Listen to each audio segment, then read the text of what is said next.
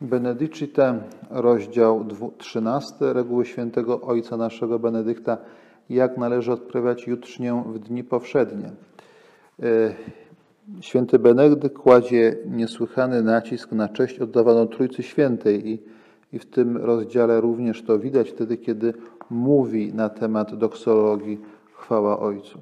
W czasach Benedykta wiara w Trójcę była zagrożona przez e, rozwijający się dynamicznie arianizm, zwłaszcza, że elity rządzące w dużej mierze były ariańskie.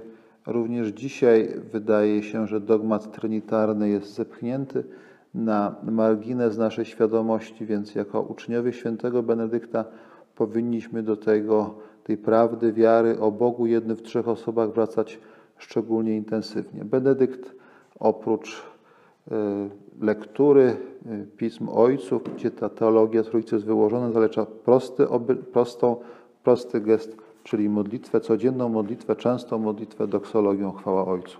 I tu możemy go w tym naśladować.